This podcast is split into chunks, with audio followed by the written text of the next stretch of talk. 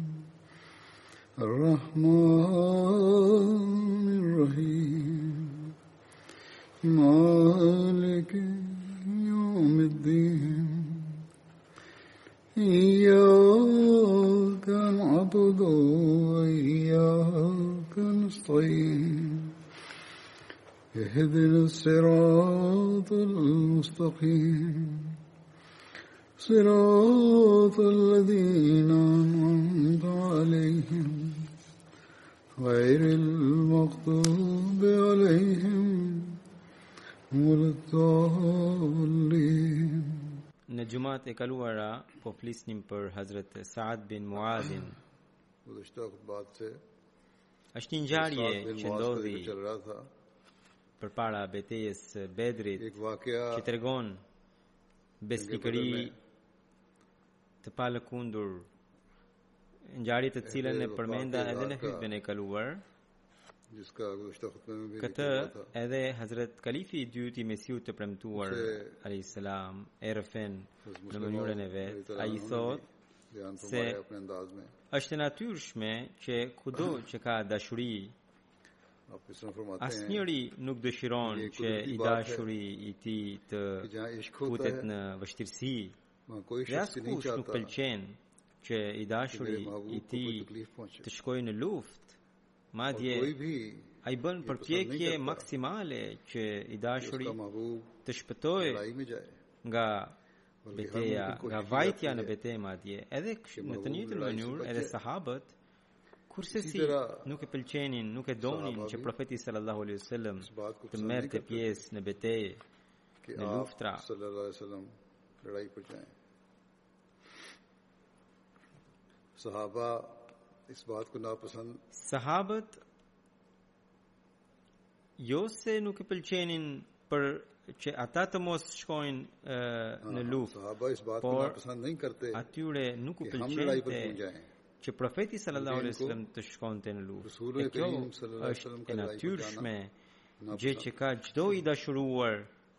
ndaj të dashurit të vet.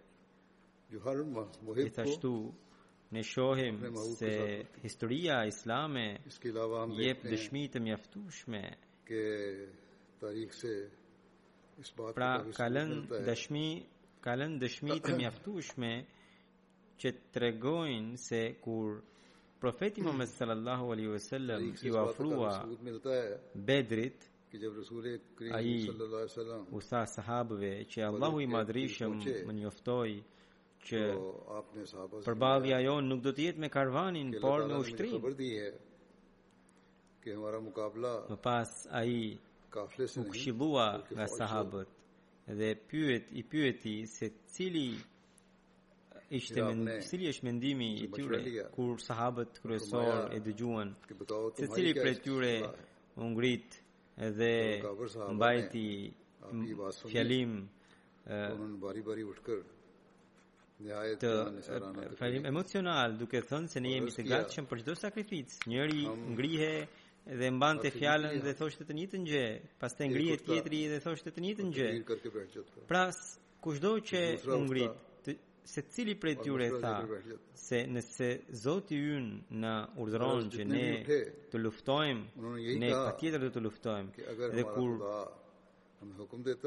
çdonjëri prej tyre ulej pasi pas fjalës së vet profeti sallallahu alaihi wasallam përsëri thoshte më jepni mendimin më jep më këshilloni Kjo ndodhte sepse profeti sallallahu alaihi wasallam shikonte që gjithë këta ishin nga muhaxhirët, nga këta pra këta sahabë.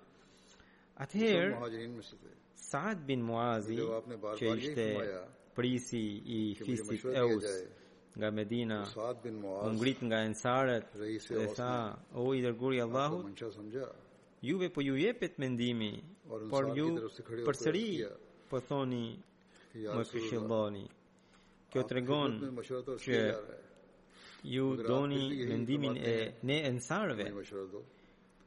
Ne këtu po heshtnim deri tani, po heshtnim për arsye sepse në qoftë se do të ngriheshim për të thënë se duam të luftojmë, kemi frikë që muhaxhirët do të mendonin se po nxitohemi për të luftuar kundër vëllezërve të tyre. Ose ndoshta o i dërguari i Allahut ju po mendoni për Bejtin Akaba që ne e bëmë bashkë në të cilën ne ju kishim vënë kushtin që kur të vinit në Medinë edhe armiku në qoftë se do të sulmojë në Medinë ne do t'i kundërpërgjigjemi armikut por në qoftë se armiku ju sulmon jashtë Medinës nuk do të ishim përgjegjës I dërguari i Allahut sallallahu alaihi wasallam tha, po. Iske zimedar ne. O Saad. Saad bin Muazi e vijoi duke thënë se o i dërguri i Allahut, atëherë kur ju sollëm në Medinë, ja Resulullah. Ne nuk jua njihnim pozitën e lartë. Aap ko Medinë lae the. Tani e kemi parë me sy sallallahu alaihi wasallam realitetin, pozitën tuaj të lartë. Edhe Tani më nuk ka asnjë vlerë ajo marrëveshje që kemi bërë në Bejtin Akaba bashkë me ju. Muahide ki hamari nazron me koi hakikat, hakikat nahi. Yani jo Bejti Akaba ke Atë që kemi parë ne tani më dhe sytë tanë shpirtërorë që kanë përjetuar ajo marrëveshje nuk ka asnjë vlerë. Prandaj, kudo që të shkosh, o i dërguari i Allahut, ne jemi me ty. Dhe pasha zotin, në qoftë se do të na urdhërosh të hidhemi në det, ne në det do të hidhemi. Dhe asnjëri prej tyre nuk do të ngelet mbrapa. O i dërguari i Allahut, Ne do të luftojmë përpara teje. Ne do të luftojmë mbrapa teje. Ne do të luftojmë në anën e djathtë tënde, në anën e majtë dhe armiku kurrsesi nuk do të të arrijë derisa të të shkel kufomat tona. Dushman aap tak nahi pahunch sakta, jab tak humari lashon ko. Kalifi i dy i Mesihut të premtuar alayhi salatu sallam duke komentuar ajetin 12 të sures Ra'd i cili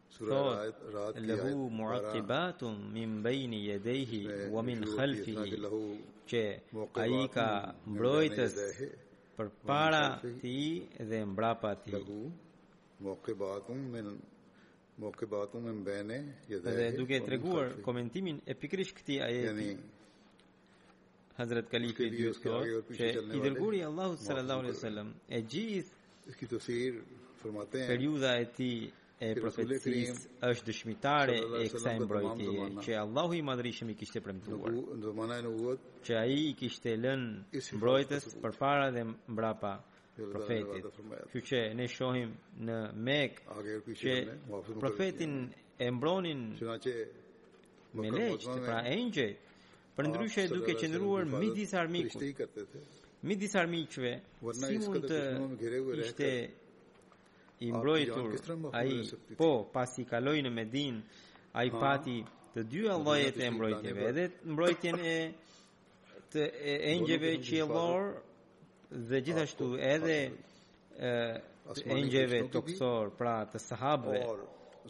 Dhe beteja e Bedrit është një shembull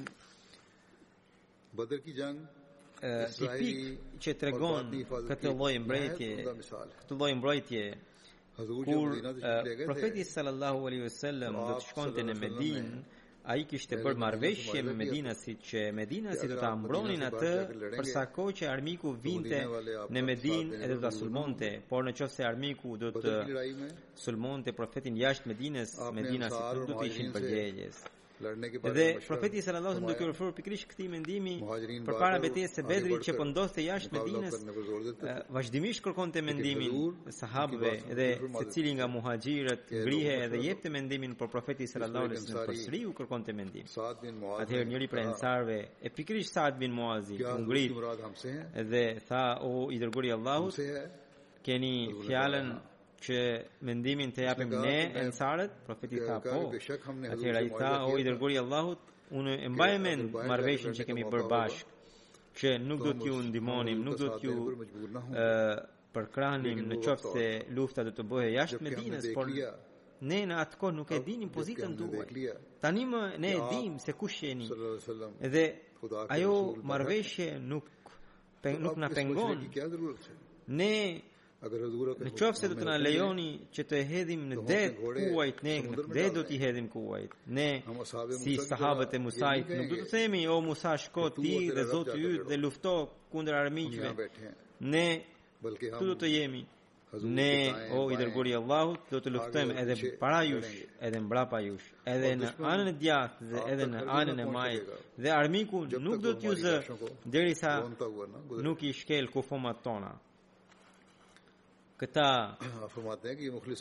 ishin ata engjëj të sinqertë, të cilët Allahu i Madhërishëm i caktoi për mbrojtjen e profetit Muhammed sallallahu alaihi wasallam. Një sahabi i profetit sallallahu alaihi wasallam thotë që unë kam marrë pjesë në 13 beteja të ndryshme bashkë me profetin sallallahu alaihi wasallam. Por çdo herë më linte dëshira në zemër që në vend që të merrja pjesë në të gjitha këto beteja, sikur të isha ai që tha fjalët e Sadit, pra që tha fjalën e besnikërisë siç tha Sadi. Në betejën e Bedrit, duke përmendur besnikërinë e Hazret Sad bin Muazit, Hazrat Mirza Bashir Ahmad Sahibi në librin e tij Sirat Khatum an-Nabiyyin thotë që në vendin ku ushtria e islamit ishte vendosur nuk ishte ndonjë vend i përshtatshëm në aspektin e taktikave luftarake atëherë Habab bin Munzir e pyeti profetin sallallahu alaihi wasallam A e keni zgjedhur këtë vend për shkak të shpalljes së Zotit apo e keni zgjedhur për shkak të taktikave të taktikave të luftës? I dërguari i Allahut sallallahu alaihi wasallam iu përgjigj, nuk kam ndonjë shpallje për këtë gjë. Në qoftë se ke ndonjë mendim, më thuaj. Hazrat sallallahu alaihi wasallam fërmaja. Hababi tha, atëherë sipas meje, ky vend nuk është i përshtatshëm. Kumë kujt më shërohet në çat të bëtau?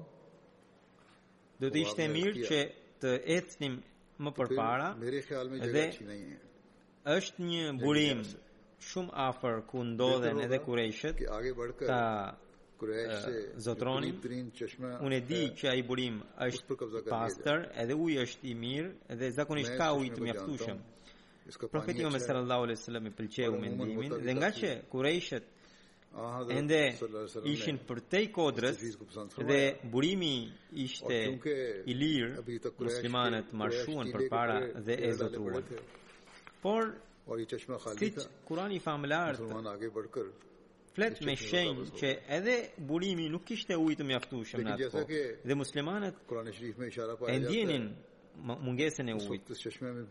Gjithashtu, në anën e kodrës ku ishin muslimanët, ajo anë nuk ishte aq e përshtatshme sepse kishte shumë rërë dhe këmbët nuk qëndronin siç duhej. Pasi u zgjodh vendi Saad bin Muazi Kryetari i fisit Eus ndërtoi një tip tende për profetin Muhammed sallallahu alaihi wasallam dhe Sadi po po Sadi pra vendosi lidhi kafshën e profetit sallallahu alaihi wasallam me tendë dhe tha o i dërguari i Allahut ju qëndroni në këtë tendë ne kurse ne duk me emrin e Allahut do të dalim për të luftuar armikun. Në qoftë se Zoti do të na japë fitore gjë që e shpresojmë, dushmën ka mukabla kërte. Atëherë alhamdulillah. Por në qoftë se larg qoftë to jehi hamari or jehi hamari arzu. Situata do të do të jetë ndryshe. Atëherë do të hipni në kafshën tuaj edhe disi. Mamla digërgun hua. Shkoni mbërrini në Medinë. Më pas Sadi vijoi duke thënë se në Medinë ne kemi vëllezër të tjerë, të cilët nuk janë më pak se ne në dashuri dhe besnikëri, por ngaqë ata nuk e dinin se gjatë këtij udhëtimi ne do të përballeshim me luftë me armikun, ata nuk erdhen. Përndryshe ata nuk do të ngeleshin mbrapa. kur do të mësojnë situatën, ata patjetër do të luftojnë deri në vdekje për të mbrojtur, për t'ju mbrojtur ju o i dërguari i Allahut. Ky hifazet ki, hifazet me. Ky ishte sinqeriteti i Sadit, i cili është i lavdishëm në çdo rrethanë. Kurse i dërguri i Allahut natyrisht se nuk ikën nga fushëbeteja. I dërguri i Allahut sallallahu alajhi wasallam gjithnjë rrinte përpara. Ne kemi parë në betejën e Hunejnit se 12000 besimtarë treguan shpinën, por kjo epiqendra e njëshmërisë së Zotit nuk u lëkund nga vendi. Sidoqoftë, në betejën e Bedrit u vendos tenda dhe Saadi dhe disa ensar të tjerë qëndruan për të mbrojtur profetin sallallahu alaihi wasallam. I dërguari i Allahut sallallahu alaihi wasallam dhe Hazrat Abu Bekri kaluan natën pikërisht në këtë tendë dhe i dërguari i Allahut sallallahu alaihi wasallam gjatë gjithë natës kaloi duke iu lutur, duke përgjëruar Zotit të Madhërishëm dhe thuhet, shkruhet që në të gjithë ushtrinë ishte vetëm i dërguri i Allahut sallallahu alaihi wasallam që kaloi natën pa gjumë, kurse të tjerët bënë gjumin e tyre. Në betejën e Uhudit,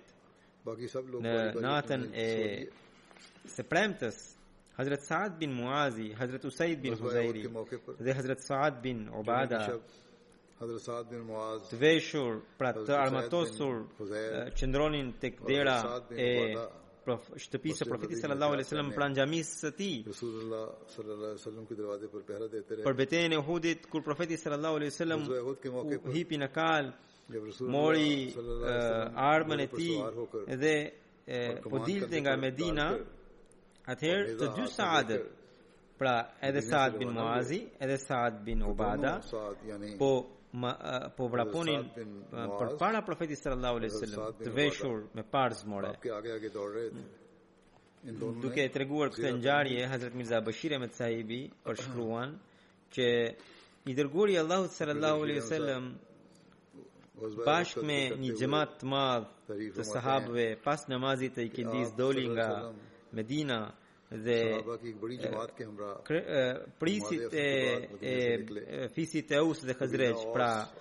Saad bin Muazi dhe Saad bin Ubada po vraponin përpara profetit sallallahu alaihi wasallam kurse sahabët e tjerë po vinin mbrapa profetit djathtas dhe majtas.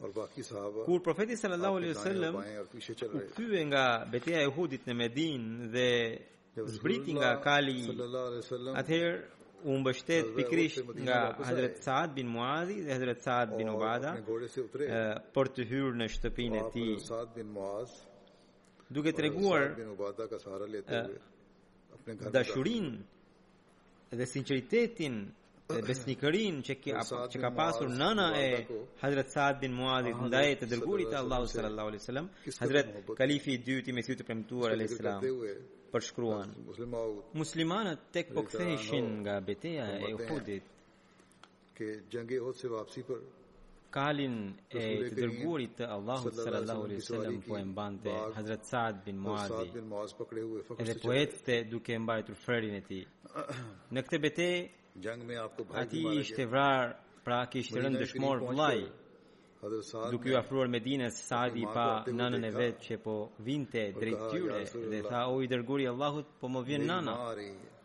Hazret Nana e Hazret Saadit në atë kohë mund të ishte 80 ose 82 vjeçe nuk e shikonte me sy mezi dallonte diellin dhe hijen i dërguari i Allahut sallallahu alaihi sallam pra ajo kishte dëgjuar se profeti sallallahu alaihi wasallam kishte rënë dëshmor sepse kështu ishte përhapur lajmi në betejën e Uhudit. Edhe duke dëgjuar këtë, edhe kjo grua E moshuar, fytas e mbytas, doli nga Medina dhe Hazrat Saadi duke parë nga larg tha o i dërguari i Allahut, po më, po vjen nëna ime. Profeti sallallahu alaihi wasallam tha, "Çoje kalin tim drejt nënës dhe mbaje aty." Kur profeti iu afrua asaj, Ajo nuk pyeti për djemtë e vet Në qoftë se pyeti Pyeti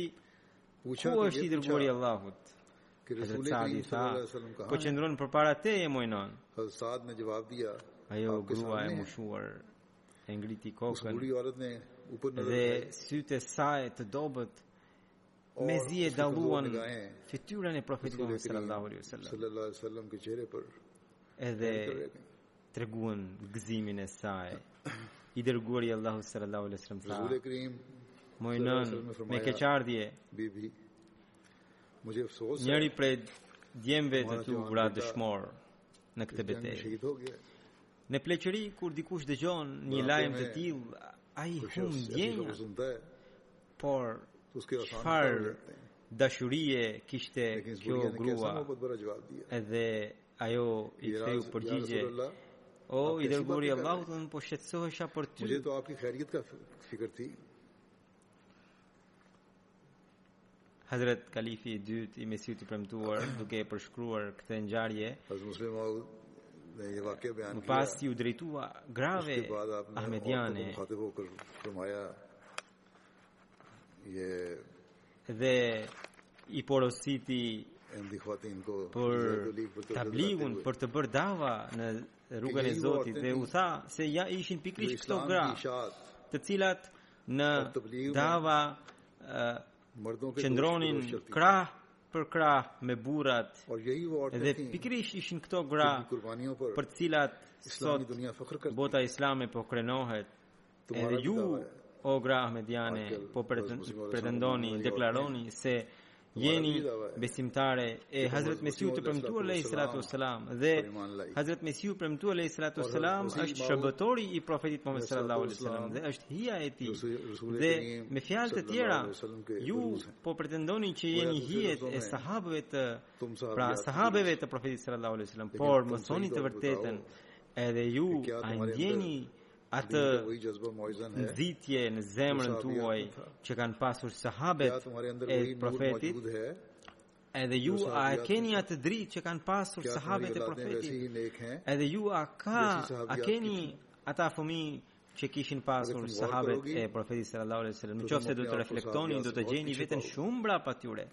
sakrificat që kanë bërë sahabet e profetit sallallahu alaihi wasallam edhe sot e kësaj dite shkruhen me shkru, me, me shkronja ari Allahu i madhrishëm i pëlqeu kaq shumë sakrificat e tyre saqë shumë shpejt u dha suksese të mëdha dhe popujt e tjerë ato punë që bëjnë ato punë që bëjnë për shekuj këto sahabe dhe këta sahabë arritën të bënin për disa vite Këtu Hazret Kalifi i dytë po u drejtohej grave Ahmediane, prandaj e tha këtë gjë. Përndryshe, sa edhe kalifët edhe unë shumë herë u kam thënë edhe burrave Ahmedianë që edhe burrat tanë duhet ta tregojnë këtë shembull vetëm atëherë Deklarimin që ne kemi bërë që ne do ta përhapim Islamin anekënd botës dhe do ta sjellim botën nën flamurin e tij.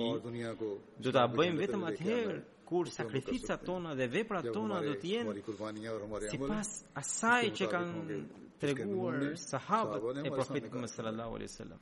Hazret Kalifi i dytë i Mesihut të premtuar alaihissalatu wassalam duke treguar Pikërisht këtë gjë në një vend tjetër thotë, bota e krishterë gëzohet nga gëzimi i Maria Magdel Magdalenës dhe i shoqeve të saj, të cilat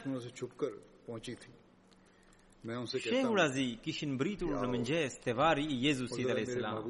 Por unë u them, hajdeni dhe shikoni njëherë Edhe të devotshmit dhe flijuesit e të dashurit tim se në çfarë rrethanash ata e mbështetën dhe në çfarë situatash e ngritën flamurin e njëshmërisë së Zotit.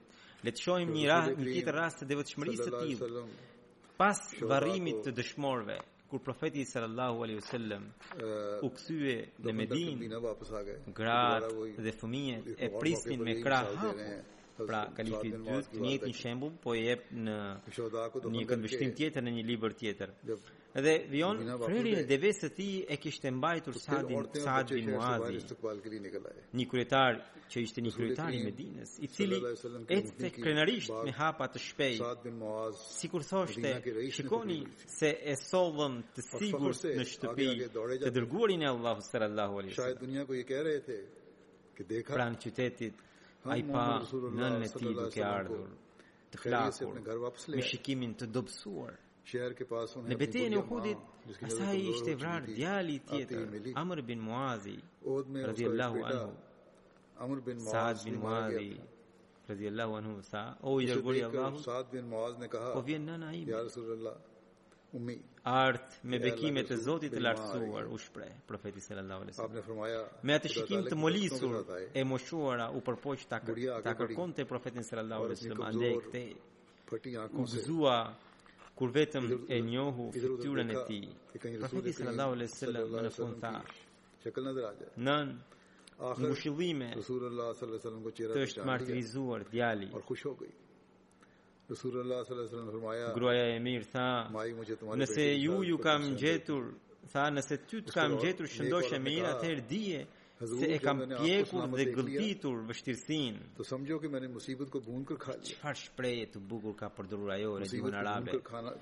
E kam pjekur mirë fatkeqësinë time dhe e kam gëlltitur. Mohabbat ke kitne gehre jazbat par dalalat karta. E saj rrezatojnë ndjenja të thella dashurie. Zakonisht Breng është ajo që njeriun e ha dhe e bren. Por kjo plakë, së cilës iu thye mbështetja e pleqërisë, me ç'trimëri e tha se brenga e saj nuk mund të guxonte ta hante. Gjersa pa që profeti sallallahu alaihi wasallam ishte gjallë. Ajo e gëlltiti brengën. Madje, sipas saj, vdekja e djalit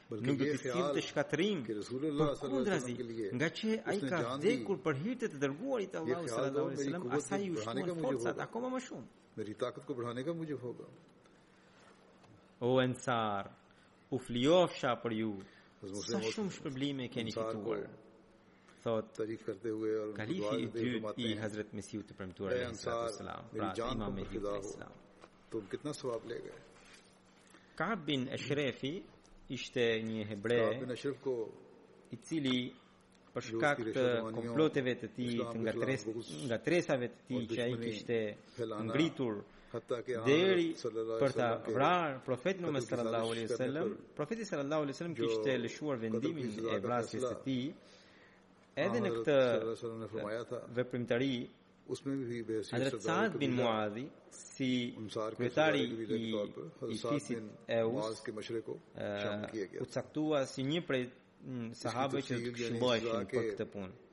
Duke treguar këtë ngjarje e në fakt unë këtë ngjarje e kam treguar edhe para disa kohësh në lidhje me dy sahabëve të ndryshëm Megjithatë, do të tregoj, do t'ju tregoj një pjesë të kësaj ngjarje edhe këtu, e cila lidhet me Hazrat Saad bin Muazin.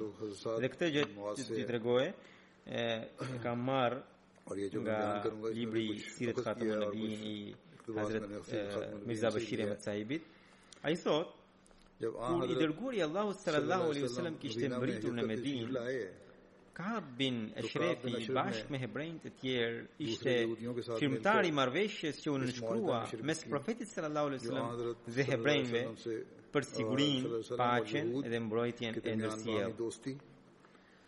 Megjithatë, Ka'b bin Eshrefi po plaste nga inati dhe armiqësia, Prandaj ai nisi të ngrinte kurthe dhe të thurte dredhi ndaj islamit dhe ndaj të dërguarit të Allahut sallallahu alaihi wasallam.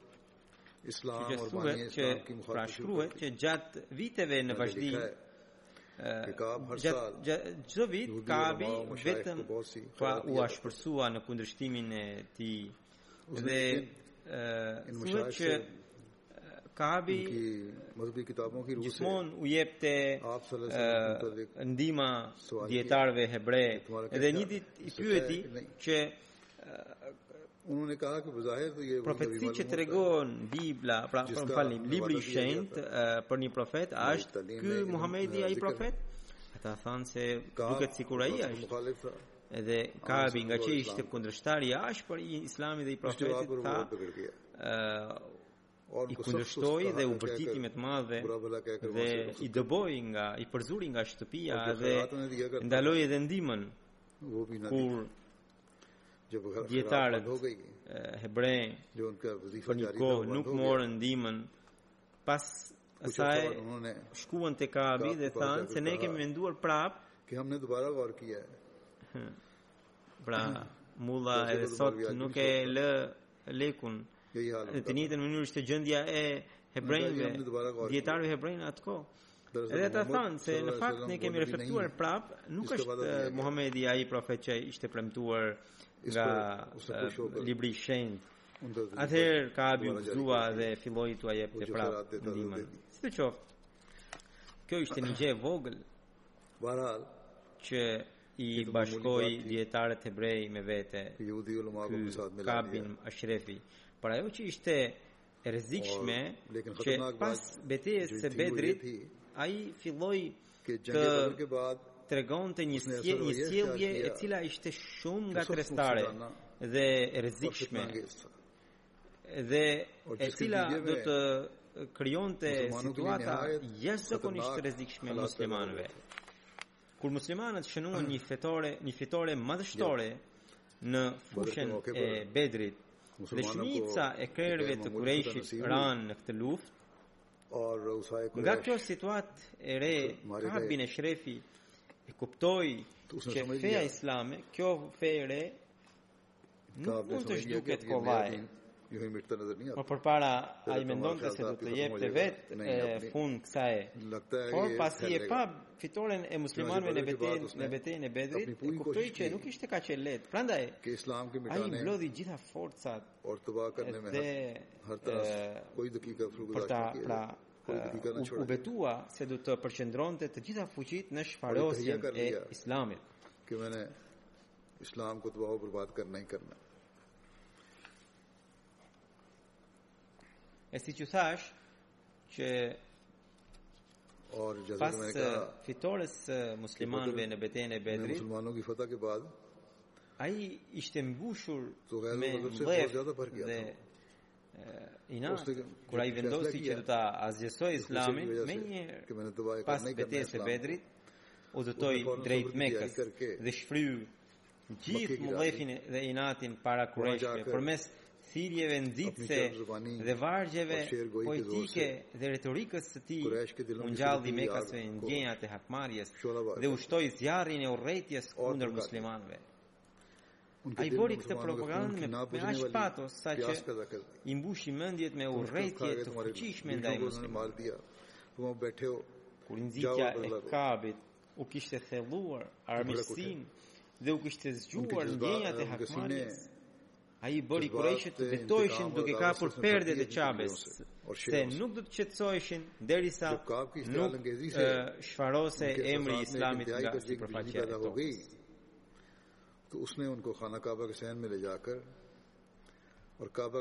Kaabi vijoi më tej misionin e tij të djallëzuar, duke hapur vatra të reja të urrejtjes në fise të tjera arabe.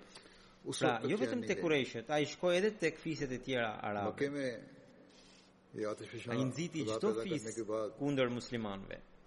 Duke u kthyer në Medinë, Kaabi nisi të përshkruante gratë muslimane në poezinë e tij të ndyrë me shprehje të vulgare, me, me shprehje të ulta e vulgare.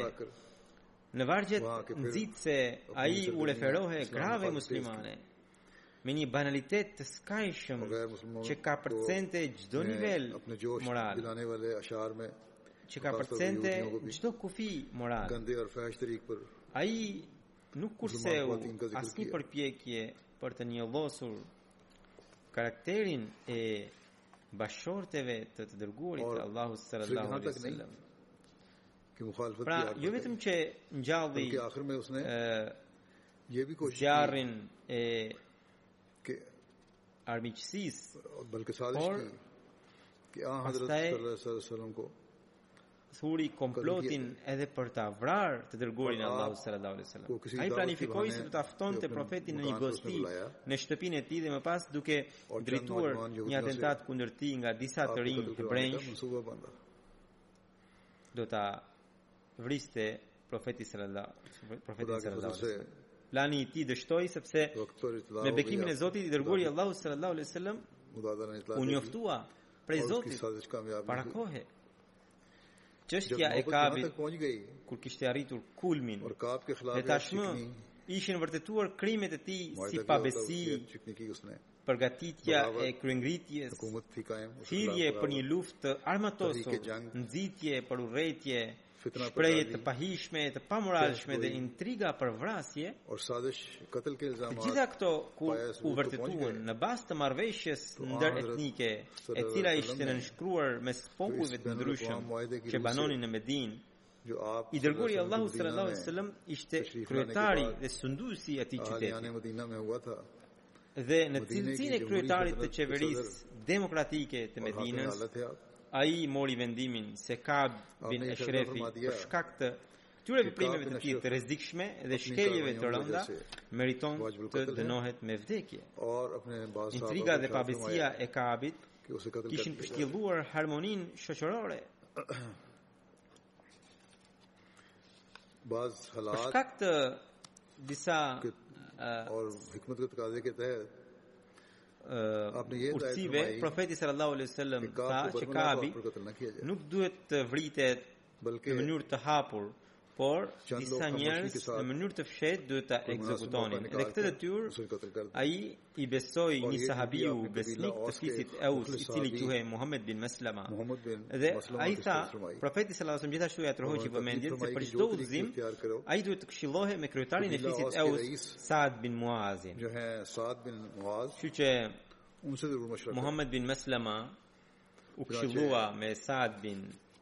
Muazin dhe bashkë me Ebu Naila dhe dy-tre sahabë të tjerë u nisën për ta sendërtuar këtë mision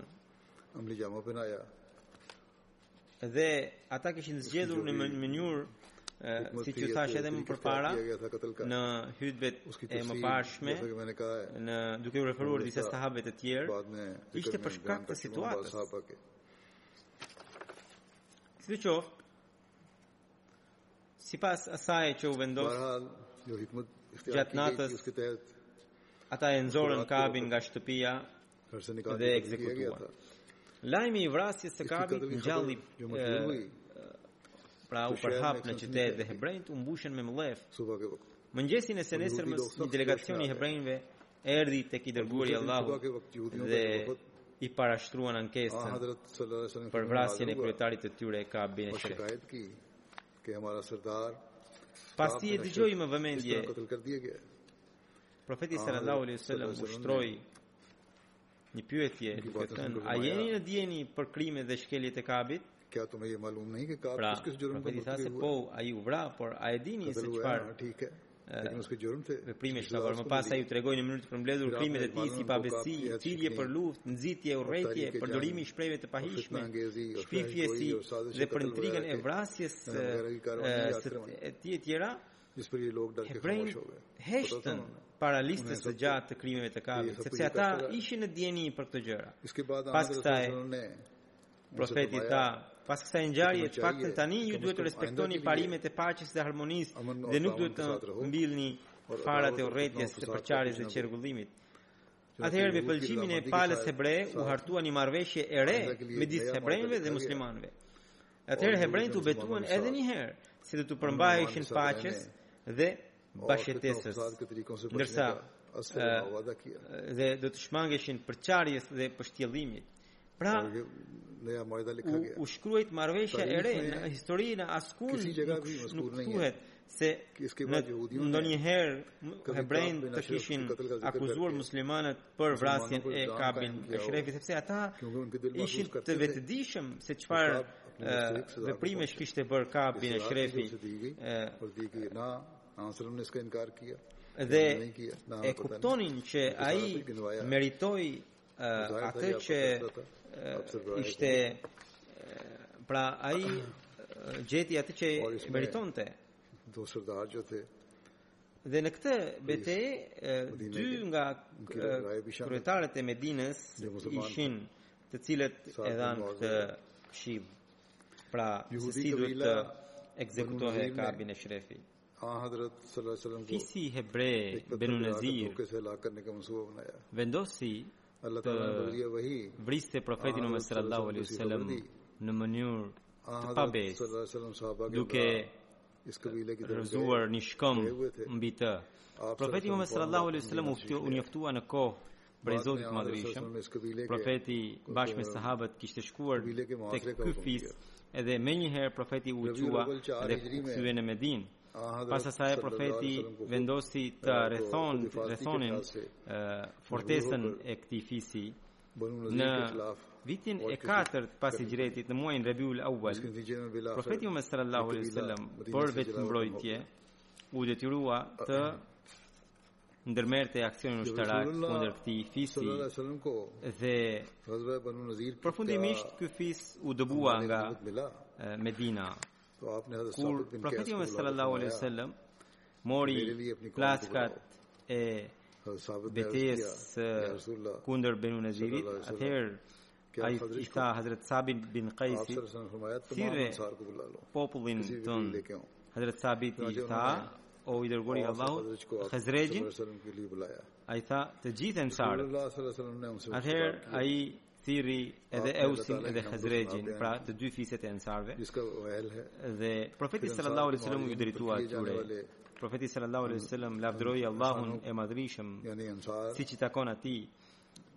dhe më pas renditi mirësitë që kanë bërë ensarët kundrejt muhaxhirëve duke i strehuar në shtëpitë e tyre dhe si ensarët ja i dhanë përparësi jetës së muhaxhirëve. Më pas u tha, në qoftë se ju dëshironi, unë këtë pasuri do ta ndaj gjysmë për gjysmë mes muhaxhirëve dhe mes juve. Dhe muhaxhirët si, si më parë do të vijojnë të qëndrojnë në shtëpitë tuaja. Pra, u tha ensarëve, profeti Muhammed sallallahu alaihi wasallam. Por tha ka edhe një variant tjetër. Në qoftë se ju dëshironi, unë gjithë këtë pasuri do t'ua shpërndaj vetëm muhaxhirëve dhe juve nuk do t'ju jap asgjë. Por pas kësaj, ata do të nuk do të qëndrojnë më në shtëpi, në shtëpitë tuaja. Edhe do ta gjejnë jetesën e tyre vetë. Atëherë, Saad bin Ubada, Ubada dhe Saad bin Muadhi, që ishin edhe prijës të këtyre dy fiseve, të ensarëve, u këshilluan, edhe më pas i thanë, o i dërguari i Allahut, këtë pasuri ju shpërndajuni muhaxhirëve. Edhe gjithashtu, ata thanë se Por ata le të vijojnë të qëndrojnë në shtëpitë tona si më parë. Pra, ata thanë, i thanë profetit që le ta marrin gjithë pasurinë që profeti sallallahu alajhi wasallam ka sjellë nga fisi i pra nga beteja e kundër Benu Nezirit edhe ensarët do të vijojnë ta t'i mbajnë muhaxhirët në shtëpitë e tyre dhe atëherë gjithë ensarët thanë o i dërguari i Allahut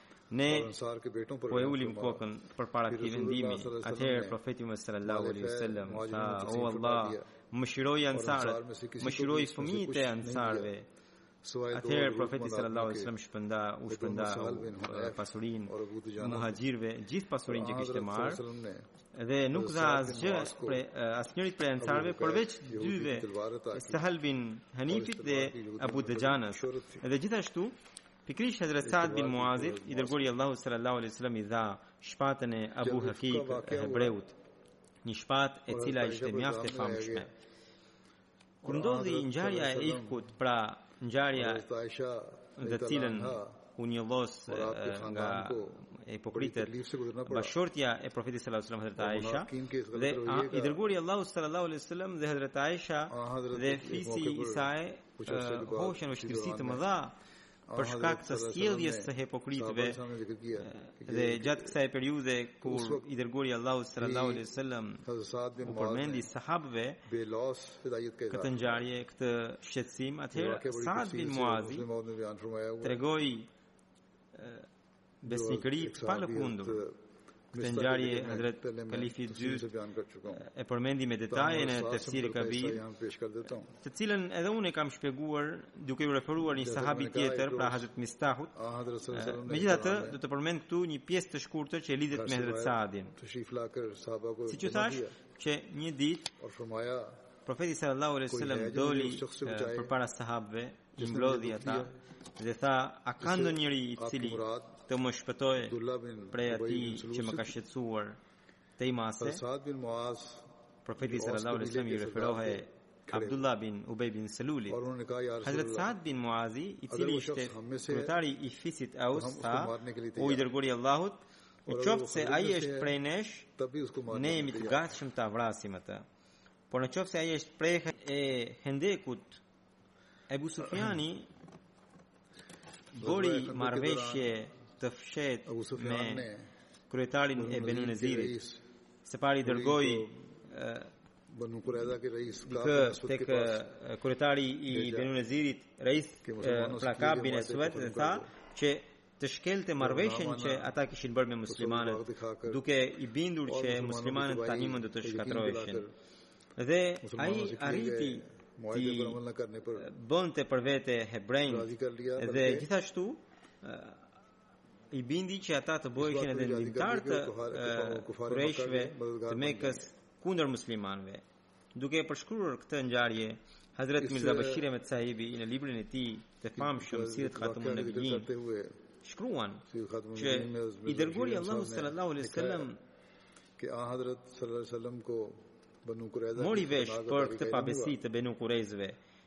Fillimisht, Profeti sallallahu alaihi wasallam dërgoi Hazrat Zubair bin Al-Awwamin për të mësuar situatën. Më pas, zyrtarisht ai dërgoi kryetarët e fiseve të ndryshme pra Saad bin Muazin, Saad bin Ubadan dhe disa sahabë të tjerë për të mësuar tek pra tek Benu Qurayzat për të mësuar situatën dhe më pas tha që kur të kthehen se në qoftë se kanë një lajm të rëndë atëherë duhet të thoshin Jo me zë, në mënyrë që të mos përhapej paniku mes muslimanëve në atë situatë.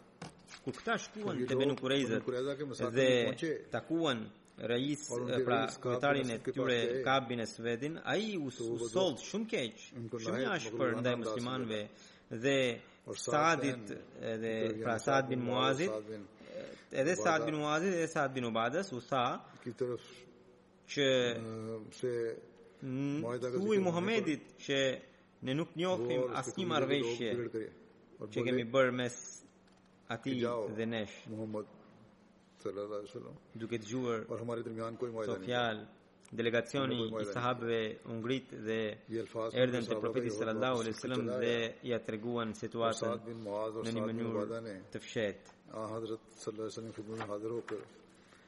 Sidoqoftë, muslimanët tashmë ishin në një gjendje shumë të rëndë, sepse ishin të rrethuar nga të katër anët nga armiku. Nga njëra anë ishin kurejshët, mohuesit e mekës, që po qëndronin me mijëra për të sulmuar muslimanët dhe vetë nga Medina tashmë ishin edhe hebrenjtë dhe për shkak të situatës profeti sallallahu alajhi wasallam nuk mund të bënte asgjë kundër hebrenjve në atë kohë Por pasi mbaroi beteja, profeti sallallahu alajhi wasallam kur u kthye në Medinë, Allahu i madhërishëm i tregoi profetit në keshf, pra i dha porosinë që benu kurejzët duhet të ndëshkoheshin për shkak të pabesisë së tyre. Atëherë profeti sallallahu alajhi wasallam njoftoi që të marshonin muslimanët të marshonin drejt fortesave të benu kurejzve dhe tha që namazin e asrit namazin e ikindisë aty do të falnin. Por namazi është dhe në komandë në drejtim të Hazrat Aliut një një ushtri të sahabëve dërgoi përpara profeti sallallahu alaihi wasallam pra. Dhe është shumë e gjatë kjo ngjarje edhe aty Saad bin Muazi do të luante një rol kyç në vendimin në vendimmarrje për këtë arsye inshallah taala këtë ngjarje do të përmend në hutben e ardhshme